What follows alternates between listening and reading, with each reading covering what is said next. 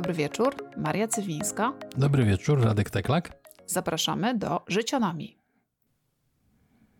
Listopad jest trudnym miesiącem. Ciemno jest, zimno jest.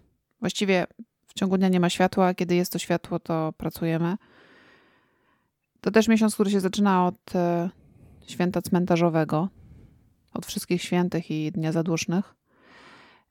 I tak dzisiaj nam wyszło, że chyba chcemy porozmawiać o tym, o czym się nie rozmawia, czyli o śmierci. Radku, czy. Chciałem rozładować atmosferę. To tak w kontekście rozumiem e, Tak, koronawirusa? tak w kontekście mojej dzisiejszej rozmowy z klientem, który mi strasznie kasłał do telefonu i okazało się, że mój klient jest chory. Jego żona też jest chora i siedzą na kwarantannie i stan jest kiepski. Więc myślę, że to i miesiąc i to, co nas otacza jest bardzo adekwatnym jakby anturażem do tego, żeby porozmawiać na tematy, na temat, na który się faktycznie mówi niewiele.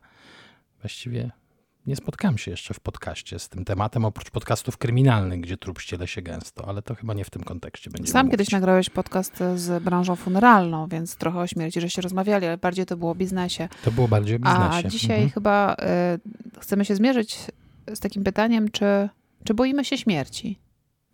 No więc Radku, zacznij, zajudzaj. Czy boisz się śmierci? Jeden rabin powie tak, drugi powie nie. I tak, i nie. Bo mam takie. No, muszę się odwołać do przeszłości i do pewnych zdarzeń, które do dzisiaj są dla mnie tajemnicą pewną, bo jakby ten lęk przed śmiercią on mnie nie paraliżuje, nie jest dominujący we mnie. To, to nie jest coś, nad czym ja się codziennie zastanawiam, czy ja już dziś umrę, czy jutro. On towarzyszy jak chyba każdemu, natomiast miałem momenty, kiedy. y, nie wiem, co to było. Głos, przeczucie, jakieś odbite echo z alternatywnych rzeczywistości. W sytuacjach absolutnie skrajnych, gdzie właściwie już tylko się zastanawialiśmy, kiedy się ta łódka rozpadnie i wszyscy pójdziemy na dno. Ja wiedziałem, że wtedy nie. Ale to jakby takie pojedyncze przypadki, gdzie w ogóle się nie bałem, bo wiedziałem, że to nie jest mój czas i nie tutaj. Z jakiegoś powodu wtedy towarzyszyło mi dwukrotnie w życiu przemożne przekonanie, że nie umrę na morzu, ani na oceanie. I nie tu, i nie teraz. Natomiast tak, myślę, ale się nie boję, bo mam takie wrażenie, że jakbym się wystraszył tego, że umrę, to bym siedział w domu pod kołdrą i sparaliżowałoby to jakby moje wszystkie, wszystkie poczynania. Więc myślę, ale bez fanatyzmu. A ty? Ja chyba swojej śmierci się nie boję, swojej własnej, natomiast boję się śmierci moich bliskich. Tak mi się wydaje, że chyba tak to jest. Em, mam trochę łatwiej niż niektórzy ludzie, ponieważ zasadniczo jestem wierząca i nie wiem, jakie jest życie po życiu. Dużo czytałam swego czasu na ten temat, zwłaszcza, że em, jest pewne wydarzenie związane z moim, moim bardzo wczesnym dzieciństwem, właściwie z moimi narodzinami, które jest bardzo konkretnie związane ze śmiercią, bo moja mama była w śmierci klinicznej po tym, jak mnie urodziła przez e, chwilę, dlatego że tam jakiś zbytni krwotok, coś Mhm. tam.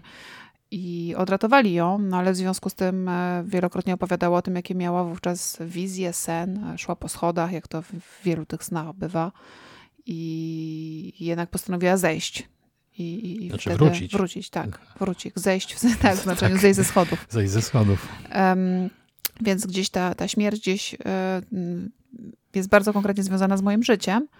E, I ja myślę, że gdzieś po śmierci coś jest. Jakoś wierzę w to, że czy to jest e, Bóg, czy to jest niebo, czy to jest powrót na ziemię w kolejnej reinkarnacji, czy to jest bycie w jakiejś takiej innej formie. Wierzę w to, że tak jest.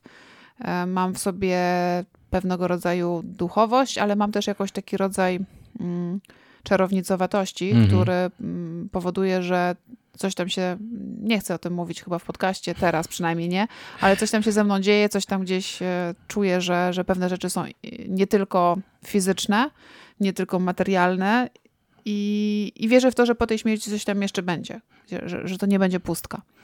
Natomiast kiedy myślę o śmierci moich bliskich, myślę o utracie, o, o takiej, o tym byciu porzuconym, opuszczonym, to jest to dla mnie bardzo ciężkie. Mhm. I tego się boję. Tego się boję i, i bardzo nie chcę, nie chciałabym przeżywać tego. E, właściwie z, z bliskich mi osób, które odeszły, to chyba tylko, tak bardzo bliskich, to, to, to chyba tylko chustka, przy której śmierci nie byłam, ale gdzieś bardzo niedługo przed jej śmiercią się z nią jeszcze widziałam, czy, czy potem słyszałam. I na tyle mocno to przeżyłam, że wiem, że, że śmierć osoby bliskiej nie jest, nie jest dla mnie prosta. Właśnie ciekawe dwa aspekty poruszyłaś, to znaczy pierwszy mm, tej metafizyki, bo mam wrażenie, że inaczej sobie radzą z myśleniem, z koncepcją śmierci osoby, które mają w sobie jakąś duchowość, które są no, wierzące, nazwijmy to, a inaczej takie stare ateusze jak ja. Bo ja jakby nie, nie, rozważam odejścia mojego w kontekście takim, że co będzie potem, czy coś będzie potem. Mi najbliższa jest koncepcja reinkarnacji, z tego wszystkiego, jeżeli miałbym do siebie jakąkolwiek duchowość przyłożyć. Y, aczkolwiek y, oceniam realnie, że po tym wszystkim po prostu moje cząstki składające się na moje teraz ciało Wszyscy pochodzimy z wielkiego wybuchu, wszyscy jesteśmy gwiezdnym pyłem, więc ja wrócę do tego obiegu, ale nie w takiej formie, jakiej y, oczekują ludzie, którzy wierzą w to, że nie wiem, trafią do nieba czy coś. Ja wierzę, że ja wrócę po prostu w formie te, tych najmniejszych części budulca tego, y, tej materii i się odrodzę w ryjówce, może w dżdżowniczce, a może sobie poleżę w tej glebie, aż któregoś dnia trafię do na przykład fajnego psa. Więc u mnie to jest też, mam wrażenie, taka trochę inna jakość tego, tych rozmyślań. Znaczy, ja jakby nie mam w głowie takich zajawek, że co będzie potem. Zakopią mnie i się rozłożę. I to jest jakby moja wizja. U osób wierzących mam wrażenie, że to jest obudowane różnymi, różnymi historiami i, i, i, mam też wrażenie, tak jeszcze szybko skończę, że y, to, to, co się mówi, że w okopach nie ma ateistów, nie? że tam wszyscy w obliczu grozy, śmierci mm, zwracają się do jakiegoś bóstwa. To, to, to, to może być jakikolwiek Bóg i modlą się i, że, i, i mają nadzieję, że coś będzie potem. Nie wiem, czy bym się zamienił w okopie z ateisty w osobę wierzącą. Z moją skarłowaciałą, z moim skarłowaciałym mistycyzmem, czy tam duchowością, obawiam się, że chyba nie. Raczej bym rozważał, jak się ułożyć, żeby minimalizować szanse na trafienie. Natomiast u ciebie widzę, że to tak i, i, i, u innych wierzących to wygląda zupełnie inaczej, w sensie cały ten bagaż nadbudowa. Wiesz co, myślę, że myślę, że to, to nie jest tak, że to jest um, zero-jedynkowe, czy też czarno-białe w takim znaczeniu, że wszyscy wierzący myślą tak jak ja, zwłaszcza, że ja mam ten dodatkowy element um, czarownicy, który powoduje, że osoby um, po śmierci gdzieś tam się kontaktują ze mną czasami.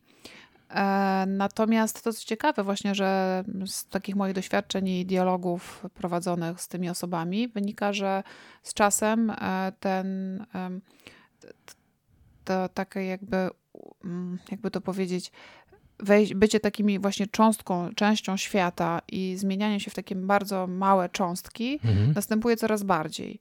I te osoby, które gdzieś tam ze mną dialogowały, po śmierci, jakkolwiek by to nie brzmiało, one się pojawiały mi coraz bardziej przezroczyste, coraz bardziej wtopione w, w świat, że te cząstki były coraz bardziej niewidoczne dla mhm. oczu, a, a gdzieś e, ta informacja była, że one są coraz bardziej, że, ich jest tysiące miliony. Okay. Więc gdzieś to się jakby trochę spi, spina z twoją mhm. wersją. Um, ja jako osoba wierząca jestem troszeczkę, myślę, inna niż takie osoby y, bardzo głęboko religijne, ponieważ ja nie dążę do tego momentu nagrody.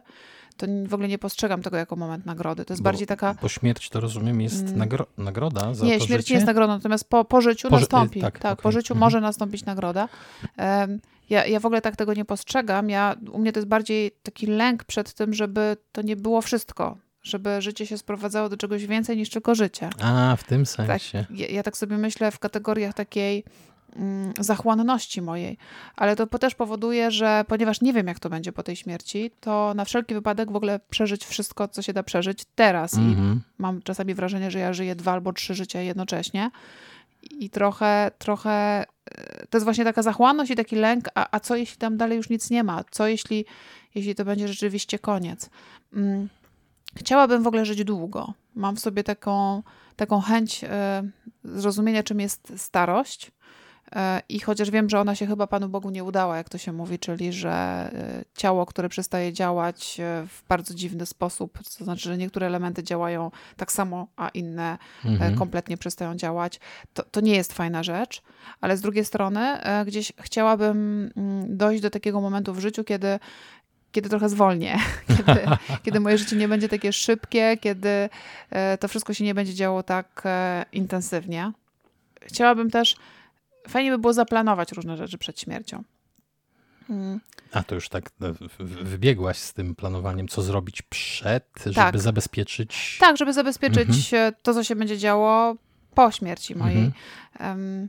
Ja jestem osobą, której e, praca zawodowa między innymi polega na tym, żeby przewidywać ryzyka i troszeczkę je planować, to co się może wydarzyć i w związku z tym uwzględniać różne możliwe scenariusze. E, ostatnie działania związane z COVID-em e, pokazują, że takie podejście jest fajne, ale niekoniecznie jest powszechne, przynajmniej nie w naszym rządzie. Natomiast ja rzeczywiście myślę zawsze parę kroków do przodu, taki rodzaj gry w szachy z życiem i z różnymi innymi czynnikami.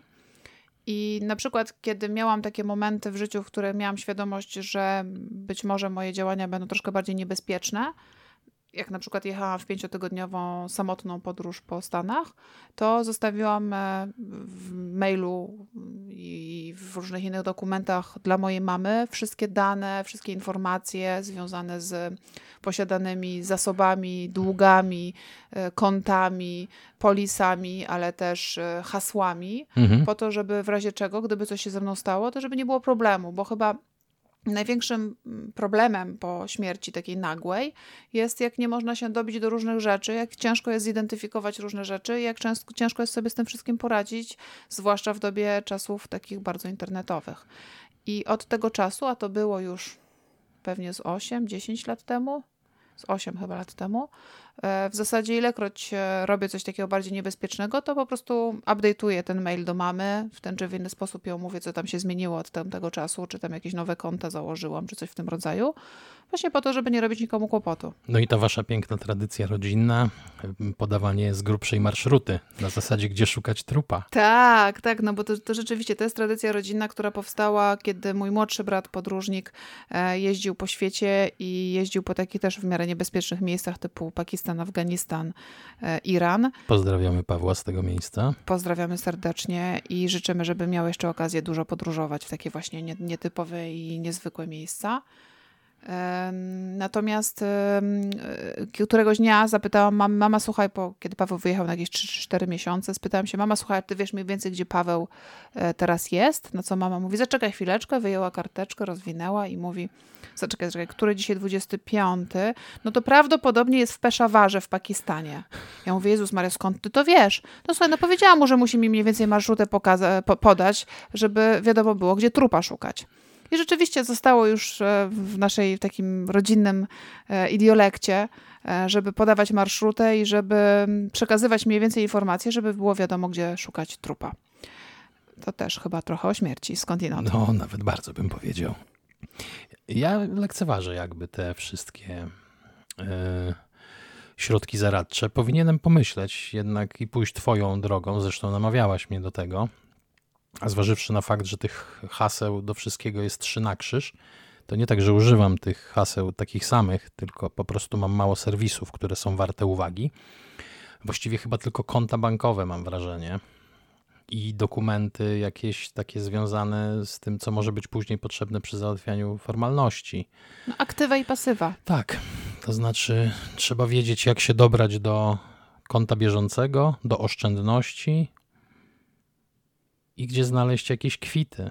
I to wszystko chyba, tak naprawdę. Jest jeszcze taka funkcja w, na koncie Google'owym, która mm, polega na tym, że jeżeli chyba przez miesiąc albo trzy miesiące nie będzie żadnego ruchu na koncie mailowym, to zostanie wysłany mail do trzech osób, które wybrałam, e, z informacją i z, chyba z danymi do logowania do tego konta. E, takie osoby zaufane można sobie wyznaczyć. Ja wyznaczyłam takie osoby, chyba dwie z tego co pamiętam. E, I raz na jakiś czas Google mi przypomina, czy słuchaj, czy nadal to są te osoby, czy nadal mhm. chcesz w ten sposób postępować. Taki dead man's switch trochę. Coś takiego. Uh-huh. Coś takiego. Ja myślę, że warto o tym pomyśleć, czy warto o tym gdzieś tam nad tym się zastanowić, e, bo to ułatwi życie osobom tak. później. Ale ja w ogóle mam dosyć nietypowe podejście, myślę, do śmierci też od strony tej takiej, tego tabu. Tak jak zaczęłam właśnie od stwierdzenia, że chcemy pogadać o czymś, o czym się rzadko mówi. E, często w pracy mam takie sytuacje, że jeżeli mm, ktoś umiera, a, a to się zdarza, jakiś emerytowany profesor albo były pracownik, czy, czy, czy, tego typu sytuacje. To są pewne czynności, które, mm, które wykonujemy, na przykład opublikowanie nekrologu albo opublikowanie informacji na stronie internetowej na ten temat. Ja mam zawsze kłopot z z wyborem, czy też z ustaleniem, co w tym momencie wypada zrobić. Bo śmierć wiąże się z całą masą różnych czynności takich rytualnych, rytualnych takich e, kulturowo określonych. Mhm. Ona, u nas są jakieś, bo na przykład właśnie nekrolog w gazecie, e, czy, czy wywieszenie klepsydry na drzwiach e, do klatki przy mieszkaniu a w innych krajach czy w innych kulturach są oczywiście zupełnie inne. No i mam wrażenie, że w Polsce ta śmierć jest, nie wiem czy mocno na tle innych kultur, ale dosyć stabilizowana. W sensie to jest taka sfera, której unikamy, bo jest niepokojąca. Są obłożone jakieś, nie życzy się nikomu śmierci. I nie mówi się źle po śmierci. Nie mówi się źle po śmierci. Po śmierci albo dobrze, albo wcale, co jest strasznym bullshitem, e, bo to, Dostali... No moim zdaniem właśnie po śmierci można wreszcie tak. zacząć mówić prawdę. No jak to, to o Stalinie mielibyśmy mówić albo dobrze, albo wcale, że wymienię tylko takiego grubasa. Yy, więc tutaj to tabu jest mocne. Yy, cała ta otoczka kulturowa związana z katolicyzmem, te wszystkie rytuały, te wszystkie czuwania, nieczuwania i tak dalej. Płaczki, Płaczki na przykład. Bardzo tak. ciekawe doświadczenie, tak, że zatrudnia się, czy też prosi się osoby ze wsi, jeśli dobrze rozumiem ten rytuał, żeby przyszły i płakały. E, no właściwie zawodziły bardziej. Tak, takie. czyli, czyli mhm. prosimy kogoś, żeby okazywał emocje, których, nie wiem, my nie jesteśmy w stanie okazać, czy żeby okazywał je głośniej. Nie rozumiem tego rytuału i, i na pewno wśród naszych słuchaczy jest pełno osób, które rozumieją, natomiast y, mm, to właśnie jest ten mój taki defekt, że dla mnie takie rytuały są, są w jakiś sposób sztuczne. Puste. Nie wiem, czy są puste. Znaczy puste nie. nie, bo te osoby, Dobra, które je stosują, wkładają tam na tak. pewno bardzo dużo jakiegoś znaczenia, ale ja tego znaczenia ale... nie, nie przyjmuję, czy nie pojmuję. Mhm. Dobra, dla nas są, dla mnie są puste. To znaczy, dla mnie zatrudnienie, ja pamiętam, y, ja się odwołam do pogrzebu mojej babci, bo jakby pierwszą babcię jak chowaliśmy, to tego nie pamiętam, znaczy pamiętam, ale byłem młodziutki, więc jakby wtedy jeszcze w rozjazdach, coś tam, nieważne. Natomiast drugą babcię jak chowaliśmy, to byłem w pełni świadomym młodym człowiekiem y, i pamiętam, jak pojechaliśmy na wieś, tam gdzie mieszkała i tam to wszystko było tak zrytualizowane, że ja w ogóle nie wiedziałem, co się dzieje. Ciało leżało 24 godziny w pomieszczeniu. To było lato, więc w tym pomieszczeniu zamkniętym, bo przecież może zawiać, mm, panował taki zaduch. To znaczy było duszno, było ciepło i ja tam postałem chwilę i wyszedłem, bo nie byłem w stanie. Tam jeszcze kilkanaście osób. Ciało leżało na trumnie. Niektórzy czuwali całą noc, właściwie te 24 godziny nad tym ciałem. To jest jakaś forma chyba pożegnania się. Ja tych rytuałów nie znam. W sensie nie wiem, co one niosą. Nie wiem, co znaczą, ale to chyba forma pożegnania się. Potem podjechał taki karawan, już nie zaprzężony w konie, ale taki no, karawan, karawan. W każdym razie ciało, jak wynosili, to natychmiast pojawili się ludzie, którzy założyli krzesła y, na stoły, nogami do góry. Czemu? Nie wiem. Ktoś mi to kiedyś tłumaczył, ja nie mam bladego pojęcia o co w tym chodziło. Chyba, tu chyba chodzi o to, żebyśmy się nie spotkali przy takiej okazji, bo krzesło jak jest postawione, to jest gościnne, zapraszające. Jak jest postawione na stole, nogami do góry, tak jak się na stołówkach na przykład zakładało po skończonych posiłkach, to to jest chyba takie odstraszające, że my nie zapraszamy cię tutaj, nie zapraszamy was duchy, nie zapraszamy was ludzie, nie chcemy się spotykać przy takiej okazji. I na sam koniec, coś co mnie już trochę sfrikowało, chłopy wynoszące tą trumnę, w sensie, bo to tylko faceci nieśli, trzy razy stuknęli trumną o próg domu. Żeby nie wracała? Nie wiem. Nie mam pojęcia. To mi z kolei kumpel z y, Białej Podlaskiej wytłumaczył, ale było to przy piwie i dawno temu. Ja nie pamiętam o co chodziło. To tłumaczenie miało ręce, nogi i sens. To jest jakiś obyczaj wschodni. Nie wiem, nie, nie pamiętam co on znaczy, więc chętnie się dowiem. Więc potem ta, ta trumna trafiła na ten kata, nie na katafalk, tylko na karawan, wolniutko cała procesja szła za tym. Właśnie te panie płaczki śpiewające Dobry Jezu, a nasz Panie daj nam wieczne spoczywanie, tym takim płaczliwym tonem. Jakiś ksiądz, cały, cały ten korowód ludzi. My oczywiście wsiedliśmy w samochód i pojechaliśmy na cmentarz indywidualnie, a potem oczywiście odbicie boku y, pomnika, bo to jest mogiła rodzinna w sensie tak, tak, się, tak się to robi na wsiach, w miastach też. I z boku było jakby wepchnięcie trumny z boku. I widziałem trumnę z dziadkiem, która wyglądała jakby była ze skóry zrobiona. W sensie jak skórzana. Nie wiem, czy tak się już to drewno rozłożyło, ale sprawiało wrażenie takiej, wiesz, teczki skórzanej. Bo dziadek już tam jakiś czas leżał. Więc babcie tam wepchnęli, przyłożyli, obmurowali i dopiero wtedy wieńce, kwiaty i, i długa mowa księdza. Więc to jest rytuał trwający grubo ponad 24 godziny. To nie jest tak cyk do piachu, jelo, albo kremacja. Kremacja to w ogóle niedopuszczalne w, w tamtym kręgu jakby. W ogóle a, a ja na przykład, opcji. ja bym chciała, ja bym chciała nie mieć grobu, bo... Taki malutki. Nie, bo ja w jakiś sposób wierzę w to, co mi mówią ludzie po śmierci i to, co ty powiedziałeś, że my się prze, będziemy przenikać w, w te cząstki i będziemy częścią tego świata w inny sposób, w innym wymiarze czy na innym poziomie. I dlatego uważam, że grup jest bardzo ograniczający. I pamiętam, kiedy zmarła moja babcia, mama mojej mamy, bo y, drugich y, dziadków nie, nie poznałam, oni umarli zanim się urodziłam. Wtedy jakaś taka była sytuacja, że ja chyba byłam na pewno byłam wyjechana, na pewno nie było mnie w Warszawie i próbowałam wyjaśnić mojej mamie, że ja nie uważam, żebym musiała być na pogrzebie, gdyż ten pogrzeb jest umieszczeniem tego ciała w jakimś miejscu, a dla mnie babcia jest wszędzie. Mhm. Mama tego za bardzo wtedy nie zrozumiała i rozumiem, bo to chyba chodziło jej o coś innego, o obecność, o, o bycie razem z nią.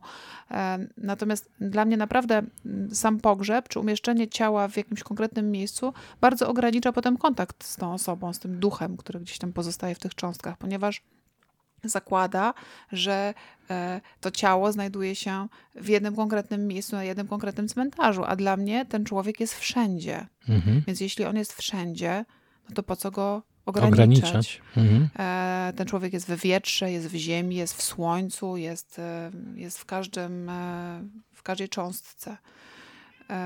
I znowu to jest coś, w czym się pewnie różni od większości ludzi z naszej kultury europejskiej czy z naszej cywilizacji i nie umiem tego też do końca wyjaśnić, skąd się to we mnie wzięło i dlaczego tak uważam. Ale może to jest właśnie ta część moja taka bardziej czarownicowa, która mm, ma świadomość tego, że śmierć jest czymś mm, dziwnym. Ja troszkę skłamałem z tym, że ja nie myślę o śmierci. To znaczy, dobra, nie myślę o śmierci, ale trakcie tych kilkunastu ostatnich lat, jak zacząłem myśleć o tym właśnie, że no, przyjdzie kiedyś przeminąć, nie?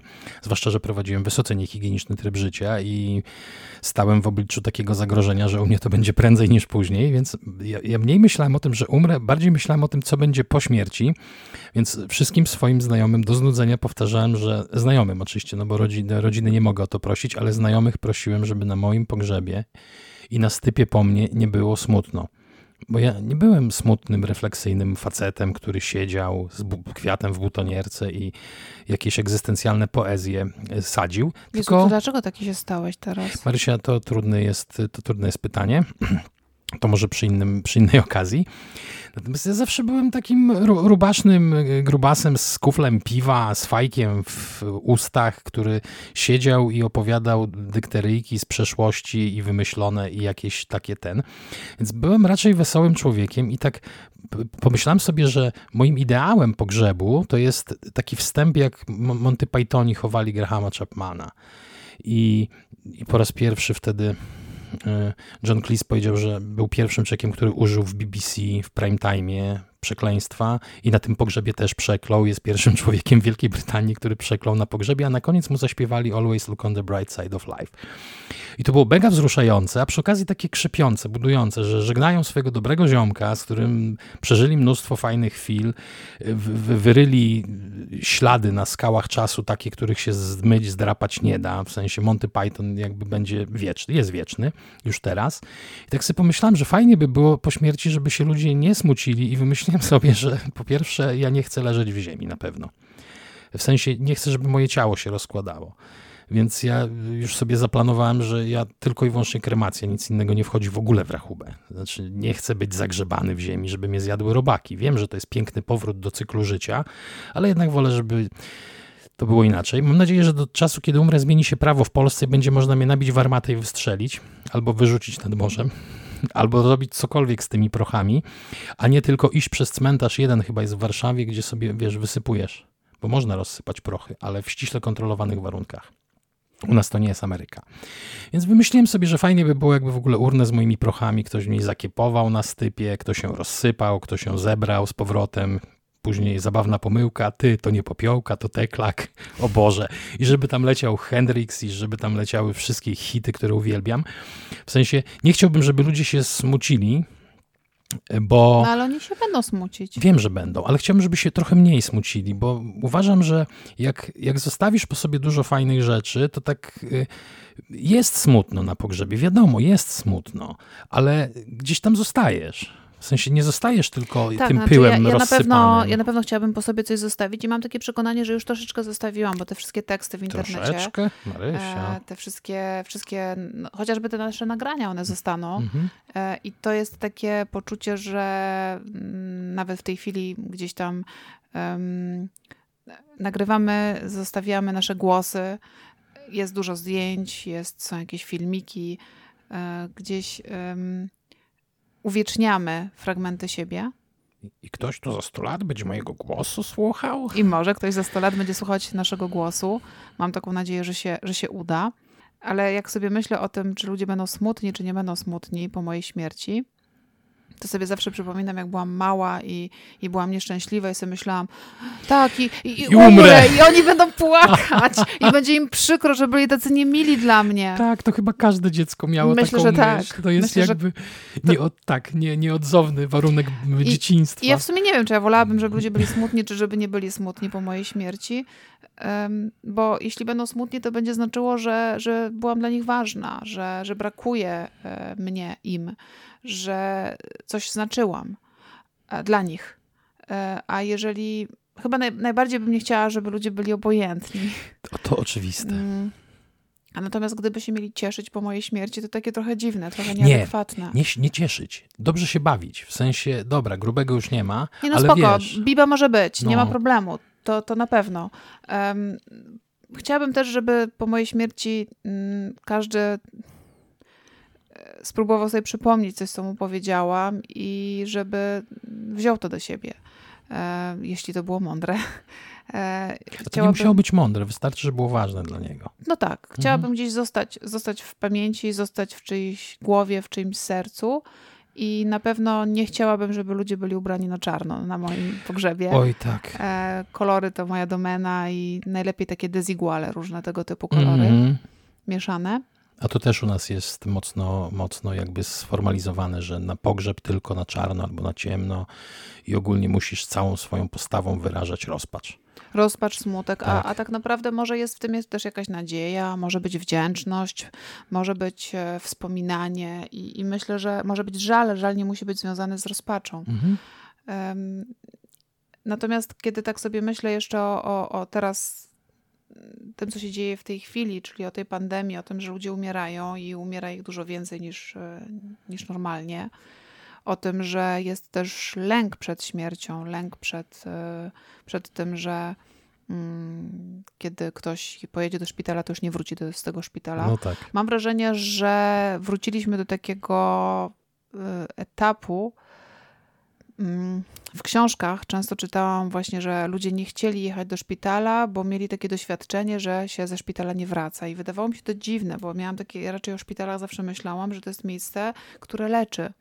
A w dzisiejszych czasach, przy pandemii, przy, przy tej strasznie trudnej sytuacji, jeżeli ktoś jedzie do szpitala z COVID-em, to po pierwsze nie będzie można już go odwiedzić, nie będzie już można go zobaczyć, a po drugie, jeśli umrze, to umrze w samotności. I, I ta myśl, ta wizja jest dla mnie tak straszna, że nawet jak teraz to powiedziałam, to mam ciarki, bo nie wyobrażam sobie umierać w samotności, bądź też wiedzieć o tym, że ktoś umiera w jakimś szpitalu, nawet parę kilometrów stąd, a ja nie mogę go zobaczyć, mhm. nie mogę go odwiedzić, czy też on nie może mnie zobaczyć lub nie może odwiedzić. Śmierć nie powinna być samotna. Czytałam taki artykuł gdzieś tam w gazecie w zeszły weekend, w którym um, osoba pracująca w służbie zdrowia um, opisywała właśnie o tym umieraniu teraz. I, I to jest straszne umieranie. Uważam, że umieranie najlepsze, gdzieś tam sobie wyobrażam swoją śmierć, to mam kilka opcji. Albo umrzeć we śnie, albo w wypadku samochodowym, czyli tak natychmiast, nagle, przypadkiem trochę. Mhm. Mm. Albo właśnie we śnie, czyli nieświadomie, bez cierpienia. E, albo w takiej wersji, w której, e, jak to tam e, moja prababcia bodajże, załatwiła wszystkie sprawy, pożegnała się z każdym, położyła się i umarła. I moja babcia od strony taty dokładnie to samo zrobiła. I, i, i chciałabym, chciałabym mieć taką możliwość takiej dobrej śmierci. No niestety podejrzewam, że większość z nas e, będzie miała śmierć, w której czegoś nie zdąży załatwić, czy też śmierć właśnie okrutno, samotno, czy też śmierć w cierpieniu. Mm, I chyba też tego się boję. I zastanawiam się, co ja robię, żeby mm, przezwyciężać ten lęk. Może zacznij tym alkohol, narkotyki twarde, miękkie, dobre jedzenie. Nie, żartuję oczywiście. Mm. Mam wrażenie, że śmierci oswoić się nie da, ale próbować warto.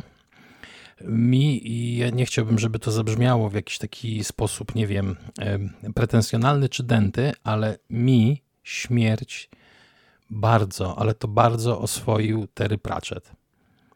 Personifikując ją i tworząc postać mówiącą zawsze wielkimi literami. I zazwyczaj taka gra półsłówek, takie niedopowiedzenia, filozoficzne treści, e, tłumaczące ludziom, po których śmierć przychodził, co tam będzie dalej, ale tłumacząc właśnie w taki sposób troszeczkę nie, nie na wprost.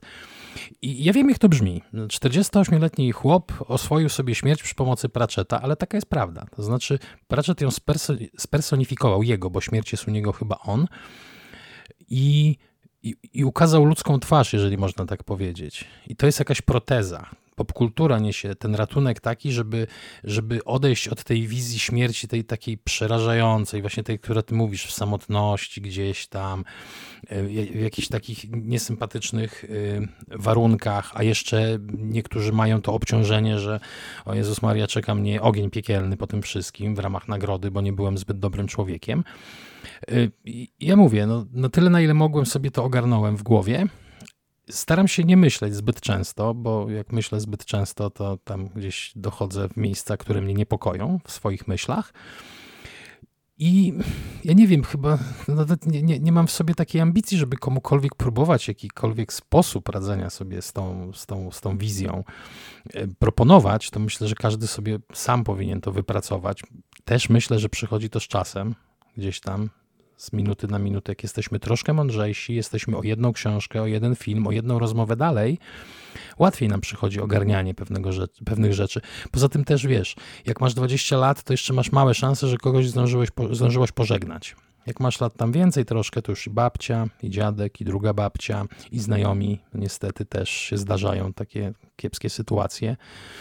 E, więc też już jakoś widzisz, myślisz, przerabiasz, każdą tą śmierć jakoś przetwarzasz w sobie przecież, mielisz gdzieś w głowie i, i coś tam zostaje, więc y, nie brzmi tutaj zbyt konkretnie, ale tu chyba nie jest taki temat, gdzie można cokolwiek konkretnie powiedzieć. To jest bardziej na poziomie wrażeń, uczuć, jakichś tam własnych, indywidualnych, bardzo prywatnych, intymnych przemyśleń. Ja kiedy myślę to o śmierci, to, to tak jak właśnie powiedziałam, się samej śmierci nie boję, bo przecież wtedy już po prostu mnie nie będzie. E, tutaj przynajmniej. Mhm. Natomiast to, czego ja się boję, to ja chyba się boję, że nie zdążę się przygotować, albo że to nastąpi za szybko, że będę musiała się za szybko pożegnać, czy, czy to ja, bo będę umierać, czy to ktoś, bo będzie umierał. Mhm. Nie lubię pożegnań. Nie lubię mm, zostawać e, sama, czy też zostawać właśnie opuszczona, czy opuszczać. Mm, I tego się boję. Myślę, że też boję się no właśnie. Boję się takiego przekonania, że nie zrobiłam wszystkiego, co chciałam zrobić, że nie zdążyłam wszystkiego zrobić, że już nie zdążę, że już nie będę mogła mm. zwiedzić całego świata na przykład. I zastanawiam się, bo ja zazwyczaj, kiedy się boję, to wtedy jestem taka najsilniejsza, bo kiedy się boję, to wolę odzyskać kontrolę poprzez robienie czegoś i zazwyczaj szukam jakiejś możliwości zrobienia czegoś. I myślę, że takie moje właśnie przygotowanie się do, do śmierci, czy też zaplanowanie pewnych czynności, czy nawet to, że staram się e, zadbać o siebie i mieć e, swoistą kontrolę nad tym, czy już jestem śmiertelnie chora i zaraz umrę, czy jeszcze nie na szczęście. To wszystko są takie protezy, takie działanie po to, żeby nie tracić kontroli. Takie mhm. właśnie, no chyba też się boję tej utraty kontroli w przypadku śmierci. No to jest takie dosyć ostateczna, ostateczna, utra ostateczna utrata kontroli, tak. tak. Um, I myślę sobie jeszcze, że śmierć nie jest fajna. Śmierć jest. Ja nie lubię rzeczy ostatecznych. Ja zawsze lubię sobie zostawić furtkę, a w śmierci tej furtki już nie ma. No niestety. E, dlatego e, wolałabym, żeby nastąpiła później niż e, wcześniej. I mam nadzieję też, że, no nie, że nie będę tracić ludzi, że to, to brzmi bez sensu, bo, bo będę tracić. Ale wolałabym jeszcze nie teraz. Not today. Im później, tym lepiej, więc proszę dbać o siebie tutaj, wszyscy nasi słuchacze, znajomi, krewni. Ja się nie odniosłem do jednego wątku, który ty wcześniej poruszyłaś, a nie chcę, żebym wyszedł na jakiegoś bezdusznego ziomka, który w ogóle... O, tu kot też się przyłączył chyba rozumie, o czym mówimy. Ja oczywiście też mniej się boję swojej śmierci niż odejścia bliskich, więc jakby nawet nie podnosiłem tego tematu, bo to jest coś, co mnie frikuje nieporównanie bardziej. W sensie konieczność zmierzenia się z tym, że odejdą moi rodzice na przykład, czy, czy, czy brat, czy, czy ktokolwiek, czy jacyś bliscy znajomi, czy przyjaciele. A ja to co? No Marysia, no ty jesteś poza konkurencją w ogóle, więc w ogóle nie wiem, nie wiem o co chodzi. Ty, dobrze, ty, moi rodzice, moi znajomi, krewni e, i, i ten, e, kolejność przypadkowa, y, to mnie dużo bardziej ta myśl paraliżuje i frykuje, że, że tych ludzi zabraknie, bo to, że mnie zabraknie, no, no dobra, mi już będzie wszystko jedno. Mhm.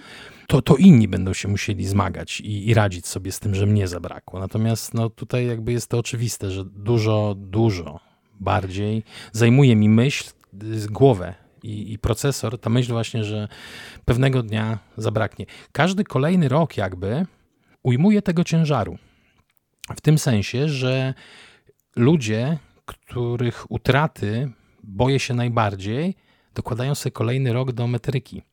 67, 68, 69, ja czyli przeżywają. Przeżywają, ale ja mam właśnie wrażenie, że to jest taki już teraz coraz bardziej gra na szansik i że to jest trochę jak z kontrolą z Urzędu Skarbowego, że prędzej czy później cię dopadnie. Nie, ja nie, nie, nie, myśl, ja nie ja myślę. Tak, ja, ja nie tak myślę, myślę o tym jako grę na, gra na szansik, tylko raczej Dobrze, bo to się czasami mówi, przeżył piękne życie, dożył pięknego wieku. To, to, to się często zdarza takie sformułowanie. Dożył sędziwego wieku albo dożył pięknego wieku. Nie wiem, ile to jest piękny wiek. Dla jednego to będzie 40 lat i pozostawienie po sobie mnóstwa pięknych rzeczy, a dla innych będzie to lat 80, 90, dożytych ta złota, złota starość, ta taka, ci tacy staruszkowie jak z, z filmów, książek i bajek. Więc każdy kolejny rok jakby zmniejsza ja wiem, jak to brzmi. Brzmi jak Excel, ale no tak to działa u mnie. W sensie każdy kolejny rok, który dokłada moja mama czy mój tata do, do, do swojego czasu życia, powoduje, że będzie mi o promil łatwiej, jakby ich pożegnać. Bo nie odejdą w wieku lat 40, tylko 80. A ja mam takie wrażenie, że każdy kolejny rok, kiedy ja się staję starsza i coraz więcej rozumiem z życia, jest takim rokiem e, w relacji z moimi rodzicami, które myślę sobie, że kurczę, jeszcze tyle rzeczy, jeszcze tyle rzeczy się nie dowiedziałam, ty, o tyle rzeczy się nie zapytałam, a, a ciągle nie ma tego czasu, albo jesteśmy w różnych miejscach i no, trudne to jest. Trudne to jest i. Um, I zapytaliśmy Sergieja, co on myśli o śmierci. On się spojrzał na nas, powiedział, że nie będzie rozmawiał o tych wszystkich ludziach, których mm, być może przypadkiem niechcący życie musiał skrócić i dlaczego w ogóle poruszamy taki temat. Nie, nie, myśmy mu powiedzieli o takich, o tym, że to, to chodzi o takie emocjonalne podejście, czy, czy, czy tutaj on ma jakieś może liczby dla nas, a co on powiedział, że liczba jest jedna. Że je, a właściwie jedna rzecz jest pewna w życiu, to jest to, że prędzej czy później się umrze. A na koniec zagrała w nim ta prawdziwa rosyjska dusza i podsumował to wszystko chyba najlepiej, jak się da to podsumować. Raz Maty Radiła. Dokładnie tak. A my tymczasem, pomimo, że taki poważny i trudny temat, to jest nas nadzieja, jest nas nadzieja, że, że będzie lepiej, że ten listopad się kiedyś skończy. Jezu, właśnie miałem to powiedzieć. Że pandemia się kiedyś skończy, że będziemy mogli znowu wyjść z domów i cieszyć się i, i mm, imprezować nad Wisłą. I właściwie tego Wam życzymy. Życzymy Wam e, nadziei, życzymy Wam radości i życzymy Wam wykorzystywania pełni życia tak długo, jakie macie. E, i, I dobrego dnia, dobrej nocy, dobrego tygodnia, w zależności od tego, kiedy będziecie nas słuchać. Oraz oczywiście nie będziemy czekać do końca pandemii po to, żeby Was nawiedzać. Always look on the bright side of life. Always look on the light side of life.